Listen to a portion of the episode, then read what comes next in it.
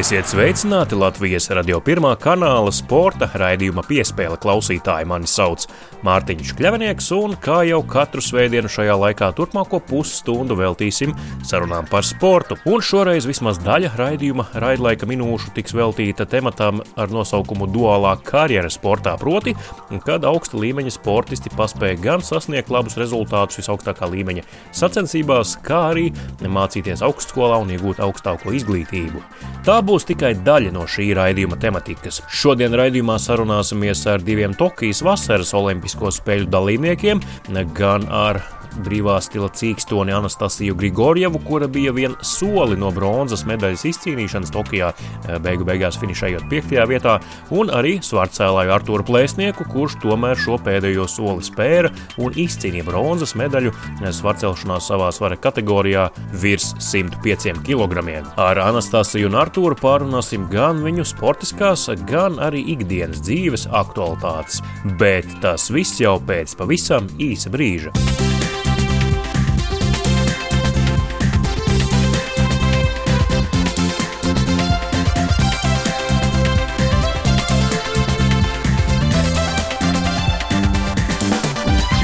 Duālā karjera ir termins, kas raksturo augstākās izglītības iegūšanu paralēli sportošanai. Duālo karjeru pēdējā laikā Latvijā izvēlas arvien vairāk sportistu. Viņi apzinās, ka sportiskie sasniegumi ir kas gaistošs, bet izglītība vienmēr noderēs un pēc sportista karjeras beigām nebūs grūti uzsākt jauno dzīvi, kad būs jādara kaut kas pavisam cits. Tieši šonadēļ Latvijas Sporta Federācija padome apstiprināja sporta stipendijas ieguvējus šajā mācībā mācību gadā tās ieguvuši 43 studējošie sportisti. Maksimālo stipendiju 1500 eiro ieguvuši 5, proti kamnībraucējs Roberts Plūme un svarcēlājs Artūrs Plēsnieks, arī spīdvejs Coļiks Mihailovs, distanču slēpotājs Raimo Vigants un dāmbrestiste Marija Magdalēna Nereda. Stipendiju komisijas priekšsēdētāja Latvijas Sporta pedagoģijas akadēmijas profesore Agita Ābele pauž gandarījumu par sportistu izvēli pilnveidot savu personību un pievērsties duālajai karjerai karjerai. Vairāk par to, kā tika atlasīti stipendiju ieguvēji, sarunājos ar Agitu Ābeli. Nu, kā tad notiek atlase un pieteikšanās? Būtībā viss ir kā visos projektos. Tātad vispirms tiek izstrādāts projektu nolikums, kas mums jau ir diezgan tradicionāls, bet katru gadu mazliet kaut kādas nianses atjaunojās. Tad, attiecīgi, šis nolikums tiek apstiprināts Sporta federācija padomas valdē, un pēc tam jau izsludināts konkurss. Un tad ir attiecīgi šīs divas nedēļas, kad sportisti var sagatavot atbilstīgos dokumentus, var dabūt visas vajadzīgās izziņas un iesniegt pieteikumu.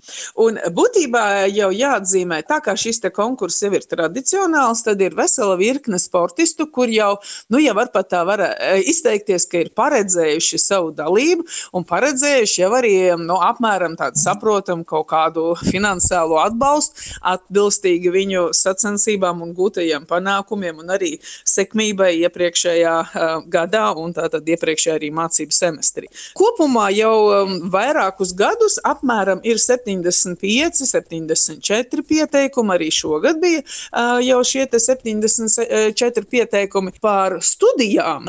Attālinātās studiju iespējas, kur atkal, nu, it kā Covid tomēr ir negatīvs, bet kaut ko pozitīvu arī viņš ir devis. Viņš ir manām paaugstinājis mūsu internetu lietošanas kompetenci un arī praktiski visas augstskolas ir aizgājuši uz attālināto mācību procesu un pilnīgi pilnvērtīgi to realizē. Mm. Un tāpēc arī daudzi studenti, nu, varētu teikt, tā kā ir tuvāki kļuvuši studiju procesam. Un jāgrāk, teiksim, būtiskāk bija jāsaskaņo kaut kādi sesiju pārneses laiki vai ar docētājiem kopā jāsarunā kaut kādu īpašu eksāmenu vai pārbaudījumu pieņemšanas veidu. Tad, nu, tagad, teiksim, attālināta veida eksāmens vai ieskait, nu, mums jau kļūst diezgan ierasti. Tā stereotipiski varētu šķist, ka nu, gan jau lielais vairums būs no LSPA, bet tā nemaz nav šoreiz, jo vairums ir no Rīgas Tehniskās universitātes. Par ko tas varētu liecināt? Ka sportisti neiet varbūt to iestaigāto taciņu, kas saka, saistībā ar sporta jomu studijās. Es domāju, ka tas vienkārši liecina par to, ka duālā karjera jau nenozīmē, ka tu vari sportot un arī ar sportu saistīto profesiju mācīties. Tikpat labi, jo mēs varam studēt jebkurā studiju programmā, un, protams, tajās augstskolās, kur ir krietni lielāks studentu skaits nekā Latvijas Sporta pedagoģijas akadēmijā, tur jau arī attiecīgi parādās nu, lielāka iespēja. Uh, ir ļoti daudz, teiksim, gan, gan inženiertehniskie uh, specializāciju pārstāvi, gan arī tāpat tās ir stradiņi ir pārstāvēti, un Latvijas universitāte, un lauksaimniecība. Nu, tā kā tā jau nemazam nav, arī ir Seiba un Banka augstskola, tā kā kopumā ir vairāk kā 11 augstskolas, un arī daži studenti, kas mācās augstskolā, kas nav Latvijā, bet ir pārstāvējuši Latvijas sacensībās. Nu, nav tikai viena šaura joma. Mēs priecājamies, ka duālā karjera, kā izpratne par jebkuras profesionālās izglītības un augstākās izglītības apvienošanu ar aktīvu sportošanu, tomēr ir atradusi pietiekami atbilstīgu vietu studentu dzīvē. Nu, jūs ar daudziem no viņiem arī kā studentiem saskarties ikdienā, kā pasniedzēji Latvijas Sporta pedagoģijas akadēmijā. Gadu gaitā ir šis te, nu, izpratne par duālo karjeru vairojusies, un tagad sportisti varbūt ir atvērtāki tam? Protams, ka tā ir, jo ja vēl pirms gadiem 15, 20 par vārdiņu duālā karjera, tas bija tāds nu, kaut kāds liels, liels jauninājums, kad nāca kaut kāds Eiropas projekts un pirmās vadlīnijas, tad mēs paši prasījām, kas tas ir un kā to realizēt. Nu, būtībā tas jau bija iepriekš pat daudziem studentiem realizējies, tikai tas tā nesaucās, bet vienmēr ir bijuši studenti, kuri gan grib mācīties, gan arī grib sportot. Protams, pat labāk pievēršot lielāku uzmanību tieši šai duālās karjeras iespējamībai, realizēšanas iespējamībai, attālināto mācību nodrošināšanai. Nu, tas ir gājis populāri, nu, plašumā tas termins. Kaut kas specifisks tik tiešām, un gan jau ka ir, varat pastāstīt, kur viņi šo piešķirto stipendiju var izlietot, kādas ir tās vadlīnijas, regulējumi vai noteikumi. Nu, nevar jau gluži aiziet uz veikalu nopirkt pārtiku sev. es domāju, ka šoreiz tas ir tas variants, kad var samaksāt gan studiju maksu, gan var iegūt un, un nopirkt kādu labu grāmatu, var arī attiecīgi šo te naudu izmantot sporta un treniņu sagatavotībā, var vienkārši atra, iesaistīties kādā projektā, ja, piemēram, pieteikties un braukt uz pasaules universitāti. Nu, ko lai saka, nu, ir šādi lieliskie fórumi, ir sports, ir izglītība, jebkura mūsu mūsu darbība prasa finansiālo iesaisti. No vienas puses mums ir ļoti liels prieks, ka ir daudz šo studentu, un no otras puses ir prieks, ka mēs arī kaut kā mazliet, bet tomēr varam atbalstīt. Jo es esmu tikai par to, ka šādiem projektiem ir jāiet plašumā, un ja mēs varam dot kaut kādu papildus motivāciju mūsu jaunatnē, aktīvi darboties, iesaistīties un pilnvērtīgi augt un veidoties par labiem profesionāļiem, tad tas noteikti ir jādara tie, kas skrien, tie arī ātrāk tiek pēc tam pa karjeras kāpnēm uz augšu. Tā kā ir jāskrien. Tad, kad es biju maziņš, tukumā, es metu šīs maigas, ar ko piesien cūkums.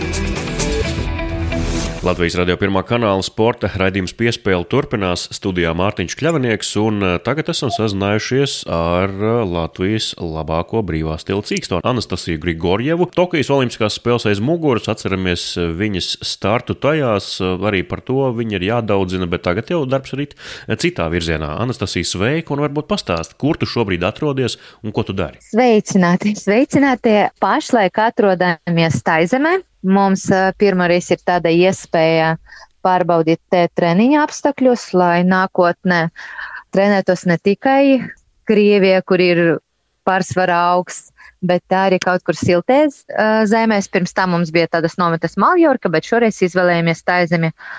Lūk, tā, tā kā atrodos siltumā, nevaru teikt, ka saulīte spīd, jo visu laiku apmācies, bet treniņam tas netraucē. Nu, mēs Latvijā šeit tik un tā apskaužam, jo mums Nu, lai gan sniegi ir skaisti, bet ir augsti.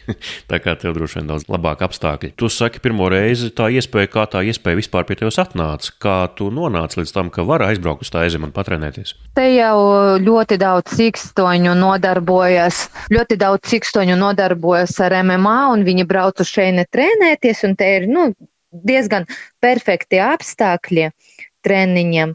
Ir gan treniņa zāle uz vietas, gan uh, svārcelšanas zāle, gan ēdināšana uzreiz uz vietas. Tā kā nolēmām ar manu iepriekšējo treneru, uh, aktoru Aska no Igaunijas, un arī somietes viņš trenēja, un ot, kopā mēs uh, ar šo komandu atbraucam uz šeieni patrenēties mm. uz trim nedēļām. Lūk, tā, un nolēmām to jau gada sākumā bija ieplānota nometne, bet sakarā ar Covid visu laiku pārcēlām, pārcēlām un beidzot ir iespēja atbraukt, jo tā izemē tur arī ļoti ilgi bija ciet robežas. Tu esi tā izemē ar visu ģimeni, cik es noprotu, jā? Ja? Nē, esmu tikai ar dēlu. Tikai ar dēlu. Tētim jāstrādā. Mm -hmm. Jā, tētim jāstrādā. Tā kā bērns ar mani, treneri ar mani mm -hmm. un treniņu biedri, spārņu partneri. Kā ir dēlam, tas tomēr nu, garš ceļojums, lidojums ilgs līdz tā aizemēji, kā viņam bija izturēt to un kā viņš tagad tur jūtas. Ir ok, pirmās dienas bija tā aklimatizācija, kā mazliet vairāk gulēja nekā parasti, bet kopumā viss labi. Viņš jau pierada līdot. Mēs jau bijām vairākas valstis, kur laika starpība arī bija sešas stundas, un gan Osetija, visur viņš bija, tā ka viņam ar to jau problēmu nav, jo pierada vairāk problēmas ar pieaugušiem, mazajiem ir ērtāk adaptēties. Jā, viņi tādi elastīgāki ir jā, nekā mēs pieaugušie. Tas gan. Anastasija, es jau pieminēju Tokijas uh, Olimpiskās spēles. Uh, tev tur arī pietiekami augstvērtīgs sasniegums. Uh, pieciniekā tika, bet, nu, diemžēl, līdz medaļām neaizsniedzies.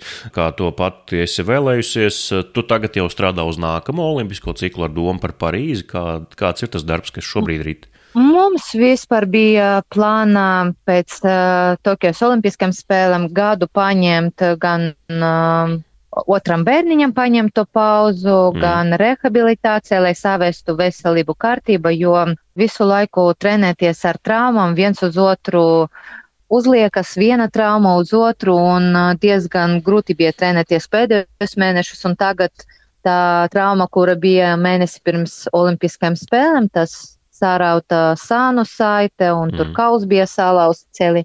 Un tagad vēl joprojām mēģinām ārstēt, un ceru, ka tagad, um, atbraucot mājās, būs ārstu koncilijas, kurš um, izlems, ko tālāk darīt, vai būs jāoperē, vai nebūs jāoperē, un redzēsim no tās informācijas, kuru saņemsim no ārstiem, jau zināsim mūsu tālākie plāni, kādi būs. Kā to var dēvēt tavu sniegumu Tokijā, zinot šīs traumas? Tu iepriekš tā pārāk publiski par to neesi runājusi. Uh, tas bija savā veidā varoņdarbs, ka tu ar tādām traumām vispār startēji Tokijā.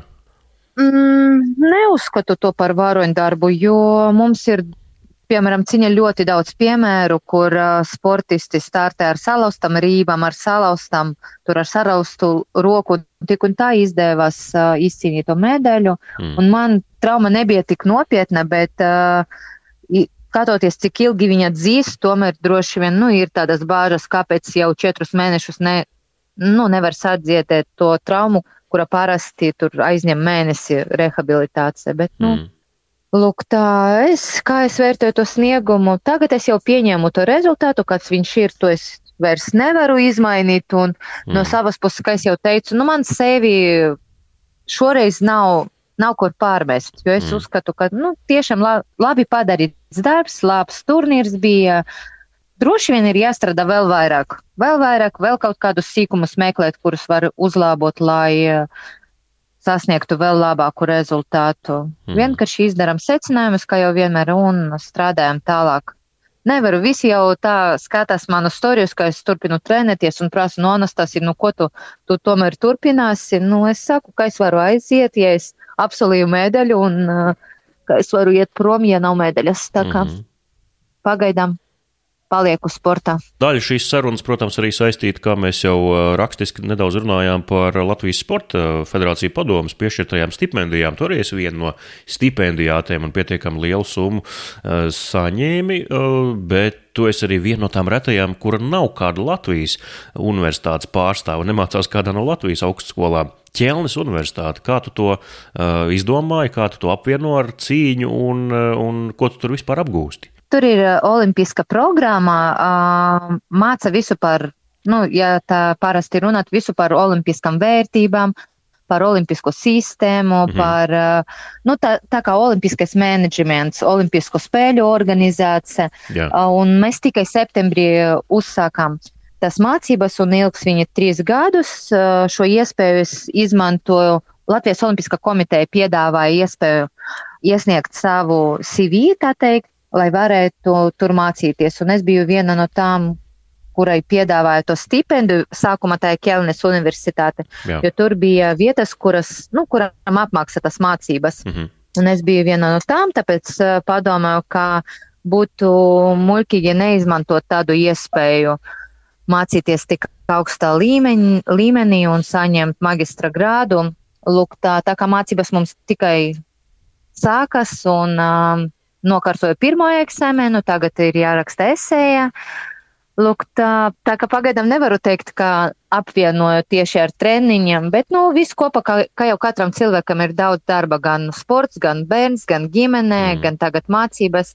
Tā kā vienkārši, kā jau vienmēr un visiem Uh, jāsaplāno laiks kārtīgi, un tad jau laika pietiek visam, ko cilvēks tiešām grib. Tu tur iegūsi maģistru, ja tev bakalaurs jau kabatā? Jā, maģistra. Mhm. Uh, maģistrs man arī ir, es studēju pirms tam Daugavpils Universitātes sabiedrības un iestāžu vādību pabeidzu. Mhm gadu atpakaļ vai divus, jau neatceros slikta atmiņa. Tas nozīmē, ka to nu, tā duālā karjera, respektīvi gan augstākās izglītības iegūšana, gan augsta līmeņa sports tev nav nekas svešs, un tu jau to esi apzinīgi, kas sakot, to gājusi jau iepriekš.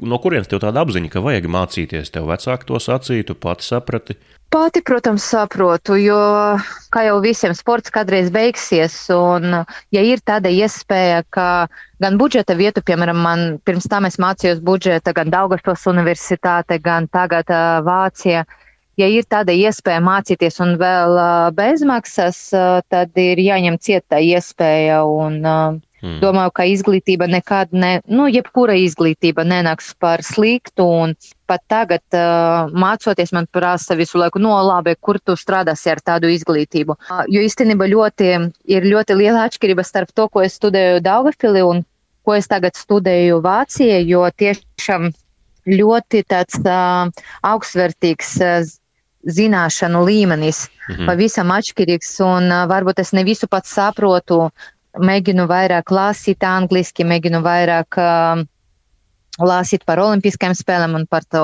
visu organizāciju. Iet pagaidām samērā grūti, bet nu, tas ir tā vērts un varbūt kādreiz man tiešām noderēs tieši šī izglītība, jo, kā teicu, es gribētu strādāt kādreiz. Uh, kaut kāda sporta organizācija, attīstīt sportu un redzēsim, kas no tā sanāks. Pagaidām, lai paplašinātu savu redzesloku, nenāks par sliktu. Jā, nāks tikai par labu. Jebkura izglītība vienmēr noderīja, tā vienmēr ir vērtība. Jā, jā. Nu, lieliski, Anastasija Grigorjeva sarunā ar Latvijas radio pirmā kanāla sporta radījumu piespēli. Anastasija, liels tev paldies par šo sarunu. Katru laiku arī tā zemē esot, lai veicās gan treniņos, gan arī Jā, paldies. Brauksim uz treniņu tieši tagad. Jā, jā visu labu. Super. Latvijas silti sveicieni no tā zemes. Super. Jā, paldies. Anastasija, par sarunu. Visu labu! Čau! Tas ir ļoti pašsaprotami, kad Latvijas sauc, tad tur nav variantu. Tu vienmēr saki, ka jā. Es cenšos ar katru spēli palikt labāks, katru spēli augt. Tad, kad jau ir uh, sezonas beigas un, un starpsezona, tad tu vari palikt vēl labāks spēlētājs. Latvijas radio pirmā kanāla sporta raidījums piespēle turpinās, un eh, nu, tā cikliski šajā raidījumā esam pamazām atskatījušies uz to, kā klājas tiem, kuri pozitīvas emocijas Latvijas sporta līdzjutējiem sagādāja šajā nu jau aizvadītajā vasarā. Tokijas vasaras olimpiskajās spēlēs esam intervējuši gan Robertu Akmeni, gan arī, protams, 3x3 basketbolistus, arī citus eh, sportistus, eh, kuri mm, bija Tokijā, bet pagaidām nu, tādā mierīgā sarunā pie galda vai apsēžamā sēžoties pie mikrofoniem, nav izdevies parunāt ar Svarcēlāju Arturu Plēsnieku, kurš ir otrā augstākā sasnieguma Tokijā latviešiem autors, proti bronzas medaļas svarcelšanā savā svara kategorijā, un ar Arturu tad beidzot esam arī sazinājušies un parunāsim. Sveiks, Artur! Sveikiem! Nu, es saprotu, ka Svarcēlājiem darbs nekad nebeidzas, tāpat jau uzreiz pēc Tokijas būtībā ātri vien atgriezies pie treniņiem. Šobrīd tu esot treniņu nometnē Uzbekistānā. Varbūt vairāk pastāstīji, ko tu tur dari un kam trenējies? Man pašam, ka ir te treniņu nometne nometne. Pirms tam bija paredzēts arī piedalīties pasaules čempionātā, jo te, es pēc olimpiādas eh, vieglā, nu, gaitā sāku atjaunoties, bet uh, arī izlēmu kā, līdz galam sevi sadziedēt, jo plecā bija šī arī bija traucējumi pirms olimpiādas. Bet nu, uz olimpiādu tas man netraucēja, paldies Dievam. Lēnā garā jāļauj tam plecam rehabilitēties, lai viņš sadzīst. Izdomājām ar treneri, ka beig beigās nestartēsim pašu uz pasaules čempionātu. Līdz ar to mm -hmm. vairāk kā treniņu nometne. Nu, plus arī skatīties uz jaunu paudzi, kuri trenējās klātienē, kuri mūsēji piedalīsies. Tad uh, sanāk tā, ka šī līdz ar to, ka tu nestartēsi pasaules čempionātā, tev ir vieglāk nometni, vai droši vien, ka treneri jau neatlaiž un tādas pašas uzdevumus dot, kā, um, kā būtu pasaules čempionāta starts? Kā morāla varbūt, nu tā. Mm. Nav jāgatavo sevi priekš starta, bet, nu, treniņi tāpatās turpinās un uh, vairāk uzreizēm ir jāstrādā, lai ķermenis ātrāk atkoptos un atjaunotos uz lielākiem svariem. Atslābuma nav. Jā.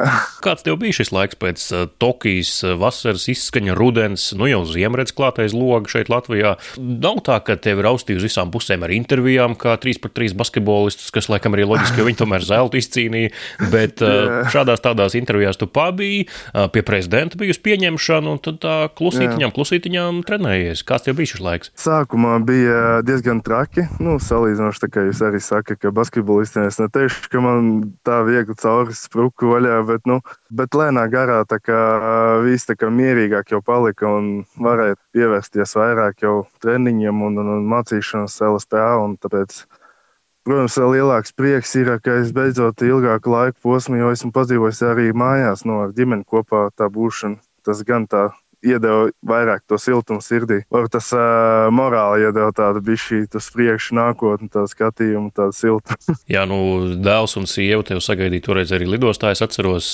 neatstājās no tevis ne mazais, ne, ne solī, kā jau tas parasti ir ar bērniem.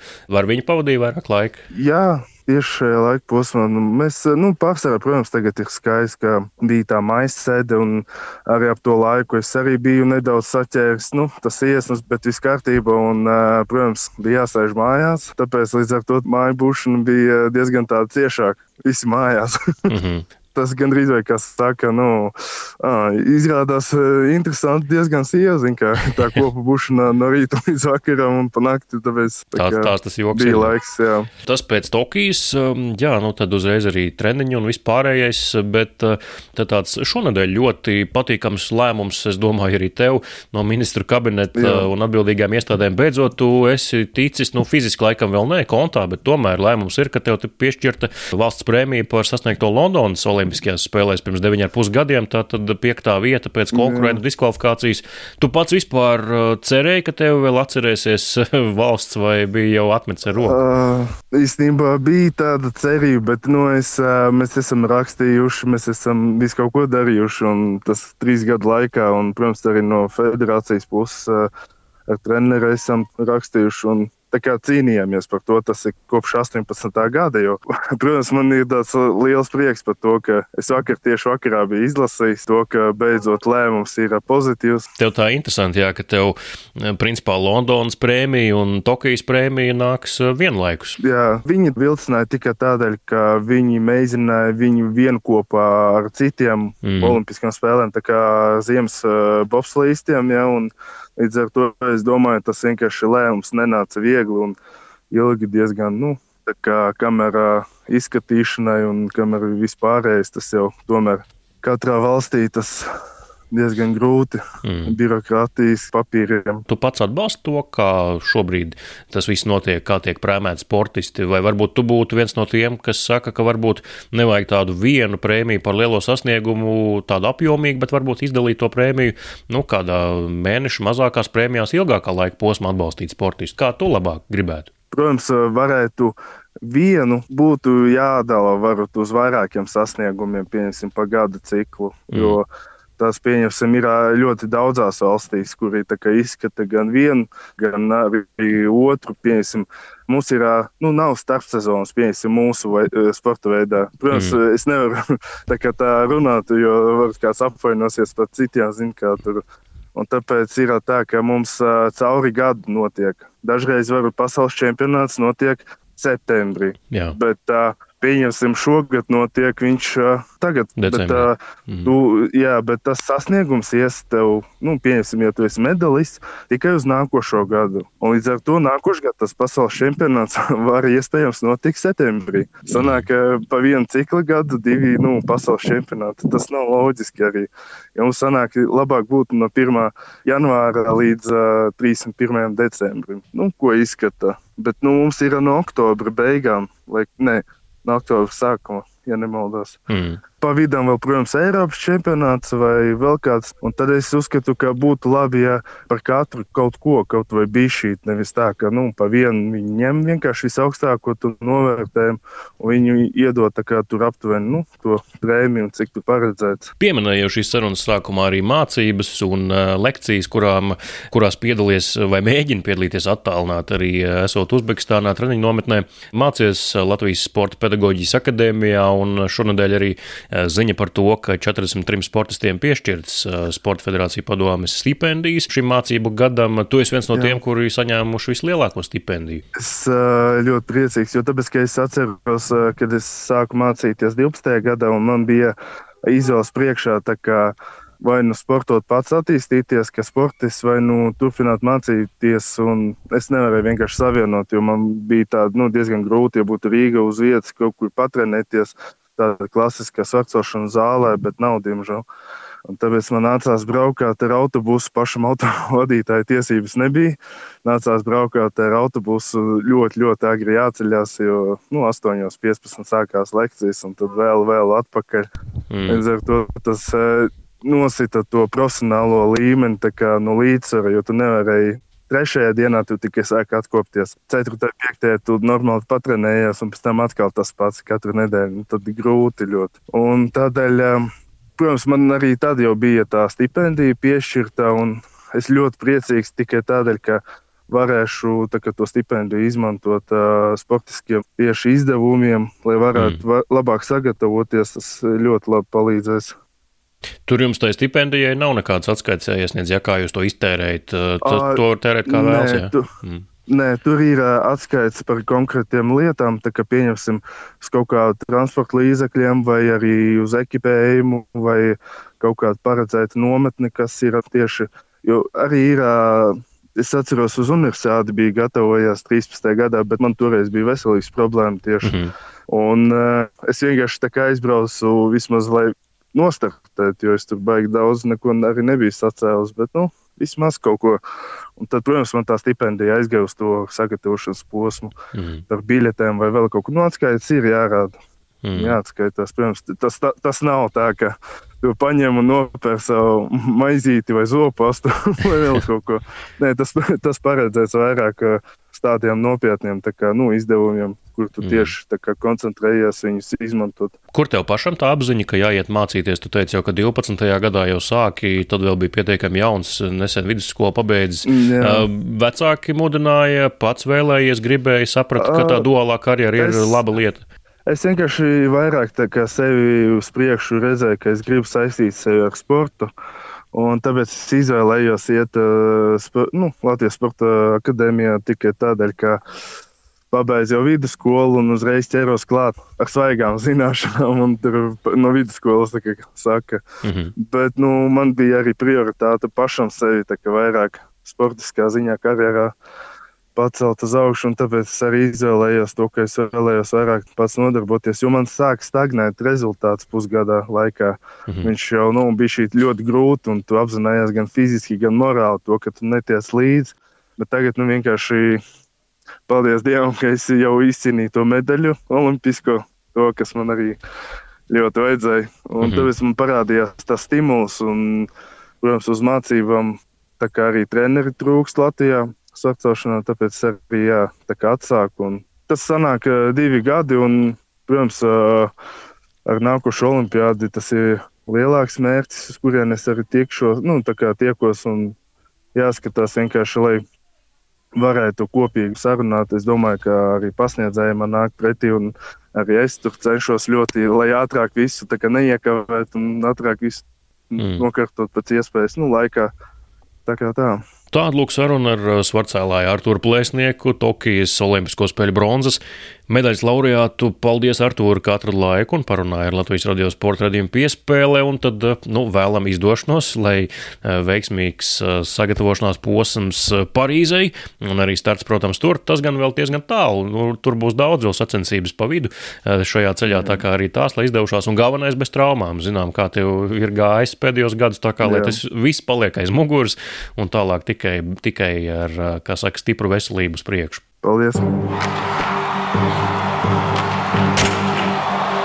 Līdz ar to arī izskan šīs nedēļas sporta raidījums piespēle. To veidoju un vadīju es Mārtiņš Ļavinieks, bet par labskaņu kā vienmēr parūpējās Nora Mītspapa. Vēl pirms atvados, vēl tikai atgādinu, ka raidījumu piespēle varat meklēt jebkurā sev ērtā raidierakstu jeb podkāstu klausīšanās vietnē tīmeklī. Uz sadzirdēšanos jau pēc nedēļas.